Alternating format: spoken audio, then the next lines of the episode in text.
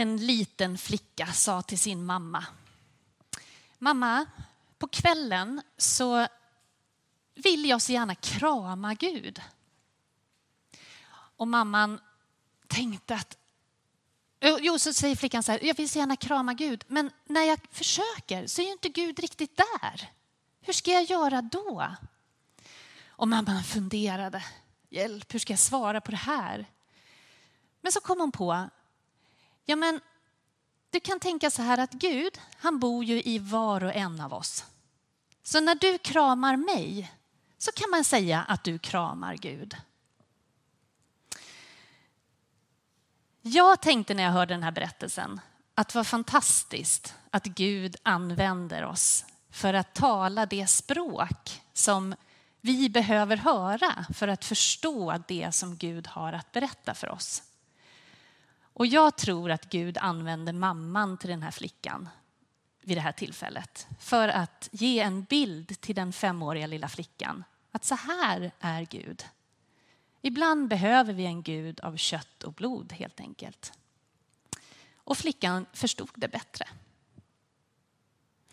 Vi ska läsa ifrån Markus evangeliet kapitel 7 och verserna 31 till 35. Markus 7, 31 till 35. Sedan lämnade han trakten kring Tyros och gick över Sidon till Galileiska sjön i Dakapolisområdet. Där kom de till honom med en man som var döv och knappt kunde tala. Och de bad Jesus lägga sin hand på honom.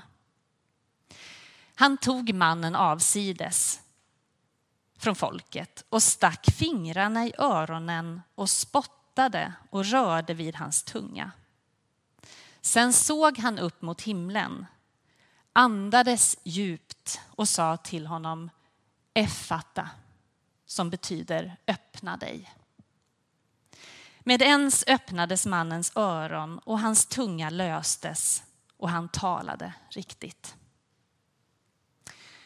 Vad säger den här texten om friheten i Kristus? Den frågan ställde jag mig när jag började läsa den. Och så undrar jag, hur upplevde människor i Jesu omgivning det Jesus gjorde? Var det här ett normalt beteende på den tiden? Att man stack in öronen, eller fingrarna i öronen på en människa och spottade? Känns inte så troligt. Men mm. Vi kan i alla fall konstatera när vi läser Bibeln att det var inte helt ovanligt att det var någon form av troshandling när Jesus gjorde sina under. Som när Jesus uppmanar den lame mannen att ställa sig upp i Markus 2.11. Eller när han uppmanar mannen med den förtvinade handen att sträcka ut den i Markus 3 och 5. Eller när kvinnan med blödarsjukan kommer fram och rör vid Jesus i tro på att hon ska bli frisk. Och hon blir frisk. Och det kan vi läsa om i Markus 5, 28-29. Jesus var fri. Han var orädd och öppen.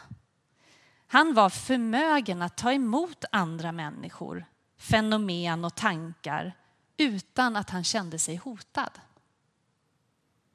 Jesus mötte människor där de var på det sättet som de behövde bli bemötta för att de skulle kunna ta till sig det som Jesus hade att säga. Jesus var naiv. Ja, inte utifrån vad jag hittills har tänkt att naiv, ordet naiv betyder, nämligen barnslig, blåögd och godtrogen. Nej, utan utifrån vad jag läste att Alva Dahl i tidskriften Pilgrim förklarar vad ordet naiv betyder. Så här skriver hon. Vi brukar inte vilja framstå som naiva men kanske skulle vi önska det om vi var öppna för vad ordet egentligen betyder. Naivitet har med autenticitet att göra. En naiv människa är trygg och säker. Hennes identitet är grundad i hennes väsen. Därför är hon orädd och öppen förmögen att ta emot andra människor som de är utan att känna sig hotad. När Jesus säger omvänd er och bli som barnen i Matteus 18 och 3 så manar han oss just till naivitet. Ett barn har ännu inte förlorat förmågan att se världen som en oändlig möjlighet. De vilar i sin egen sanning och tror på andras välvilja. Barn är skarpsynta. De ser fel och brister, men lever med dem. Det är först senare under livet som vi lär oss att låtsas. Barn är trofasta. Det måste de vara, för de vet att de inte klarar sig själva. Och vi vuxna kan ju inte heller det. Men vi när illusionen om att klara det. Och barn förundras över ett tallbarr, en fluga mot himlen eller mammans öppna armar. Det hör vuxenheten till att ta allt det för givet och bli uttråkad av det. Alva skriver sen, vad sägs om en naivitetskampanj? En kampanj för att återfinna källan till förundran i våra liv, för att upp, återupptäcka gemenskapen. Det som står i vägen för nådens sprudlande liv är inte nödvändigtvis en skuld först och främst, utan misstänksamheten, hopplösheten och den kalla förhärdade blicken. Slut citat.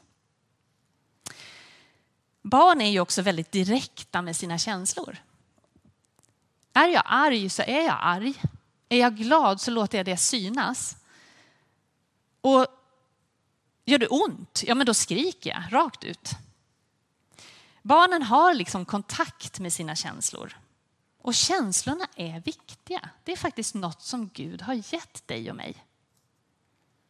Såklart att det är ganska bra att vi lär oss att hantera våra känslor och kontrollera dem ibland. Men vi har väldigt mycket att lära oss av barnen här.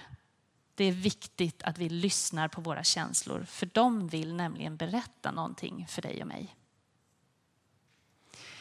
Men nu går vi tillbaka till texten igen. Mannen som Jesus möter, han kan varken tala eller höra. Så Jesus kan ju inte stå och säg, prata som han gör med någon som hör. Utan han får använda sig av lite andra medel helt enkelt. Och även om mannen var döv och stum så kunde han ju faktiskt se. Så därför använde Jesus ett sätt att möta mannen som gör att mannen kan ta till sig det som Jesus har att säga. Vi läser att Jesus rör vid mannen på de ställen där han är sjuk. Vi läser att Jesus tittar upp mot himlen. Han fäster sina ögon, han riktar sig mot sin far och visar att han är beroende av sin far. Och Jesus andades djupt för att hämta syre, ge liv och frihet. Och Jesus uttalar Effata, öppna dig, för att den döve mannen ska kunna läsa på hans läppar och på så sätt få ytterligare hjälp att förstå vad som är på gång. Ja, Jesus talar det språk som vi förstår och han längtar efter att du och jag ska öppna oss. Jesus vill frigöra din och min tunga så att vi kan tala med honom. Han vill hela våra öron så att vi kan lyssna till honom. Och han önskar att våra inre ska öppna sig så att vi får uppleva frihet i Kristus. En väg som Gud använder sig för att kommunicera med oss är just genom vår längtan. Det är ett språk. Det kan vi läsa om i Bibeln, där, eh, en text som handlar om Bartimaeus. Ni kanske vet han som var blind, tiggaren som satt vid vägkanten. Han satt där och ropade Jesus, Guds son, förbarma dig över mig. Folket de försökte tysta honom. Lugna ner dig, ropa inte så högt. Men han låter sig inte tystas. Jesus, Guds son, förbarma dig över mig. Vi kan tänka oss att han kanske har varit osedd hela livet. Och nu längtade han efter att få bli sedd. Och här läser vi hur Jesus möter Bartimaios genom att han ställer frågan Vad vill du att jag ska göra för dig? Vad är din längtan? Förringa inte din längtan och dina känslor.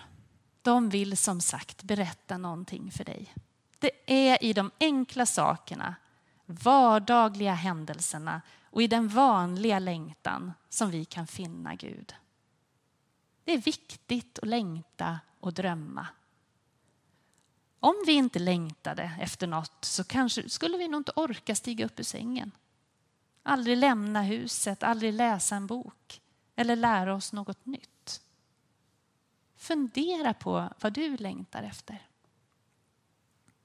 För när vi sätter ord på det vi längtar efter så säger det någonting om oss själva och vi fylls av mer tacksamhet. Jesus säger Effata, öppna dig till den dövstumme mannen. Och Jesus säger Effata även till dig och mig. Han längtar efter att du och jag ska öppna oss för honom och han längtar efter att få lyssna till dig. Och vi får komma till Jesus som vi är med allt vad det innebär. Kom ihåg att han tränger sig aldrig på. Han vill tala det språk som just du förstår. Och vi behöver inte ha ett välstädat inre innan han kommer på besök. För han vill möta dig just där du är. Kanske känner du störst lycka i relationen med dina vänner. Ja, då är det där Gud vill visa sig för dig. Blir du lycklig av att vara ute i naturen? Sök Gud i haven, i skyn, på ängarna och i floden. Älskar du konst och musik? Ja, men gå på museer, gå på konserter eller gå på bio och sök Gud där. Sök nåden i de minsta tingen och du kommer också att finna nåden att åstadkomma, tro på och hoppas på de största tingen. Jesus erbjuder dig och mig frihet. Låt oss ta emot, men låt oss också hjälpa varandra att leva i friheten i Kristus. Jag älskar kyrkans vision och det tror jag ni har hört några gånger. En kyrka för hela livet som genom mötet med Jesus Kristus förvandlar dig, mig och världen. Men för att våga komma med hela sitt liv så är det viktigt att vi blir bemötta med kärlek och omtanke. Och så möter Jesus dig och mig. Ovillkorlig kärlek. Men hur möter vi varandra? Jag vill utmana dig och mig själv att be Gud om nåden att få se varandra genom hans ögon. Och att han ska fylla oss, både som individer men också oss som församling, med hans ovillkorliga kärlek. Så att vi än mer får vara en gemenskap som presenterar den frihet som Jesus Kristus vill ge. Låt oss liksom älska fram varandra, precis som Ninni i det osynliga barnet i Muminberättelsen. Lyssna här. Ninni är ett osynligt barn med en silverbjällra kring halsen som avslöjar var hon är och hur hon rör sig. Ninni har blivit osynlig som en följd av att hon skrämts av en hemsk tant som tagit illa hand om henne. Tanten ger Ninni till Totiki som i sin tur ber Muminfamiljen att ta hand om henne. Muminfamiljen tar emot Ninni med öppna armar Ninni hon får bo i östra vindsrummet och redan efter första natten i Muminhuset är hennes tassar synliga. När Muminmamman syr en klänning till Ninni yttrar hon sina första ord till Muminfamiljen. Tack så mycket. Så småningom blir Ninni mer och mer synlig tills det bara är hennes ansikte som inte syns. För att vi ska våga komma fram och framträda behöver vi, precis som Ninni, känna att vi är accepterade som vi är och vi blir inte dömda. För frihet och dömande går, kan inte gå sida vid sida. Låt oss hjälpa varandra att existera som betyder komma fram, framträda som de älskade barn vi är. Amen. Tack Jesus att du låter ditt ord få sjunka in i våra hjärtan. Låt oss kunna ta emot av din kärlek och att visa varandra kärlek. Amen.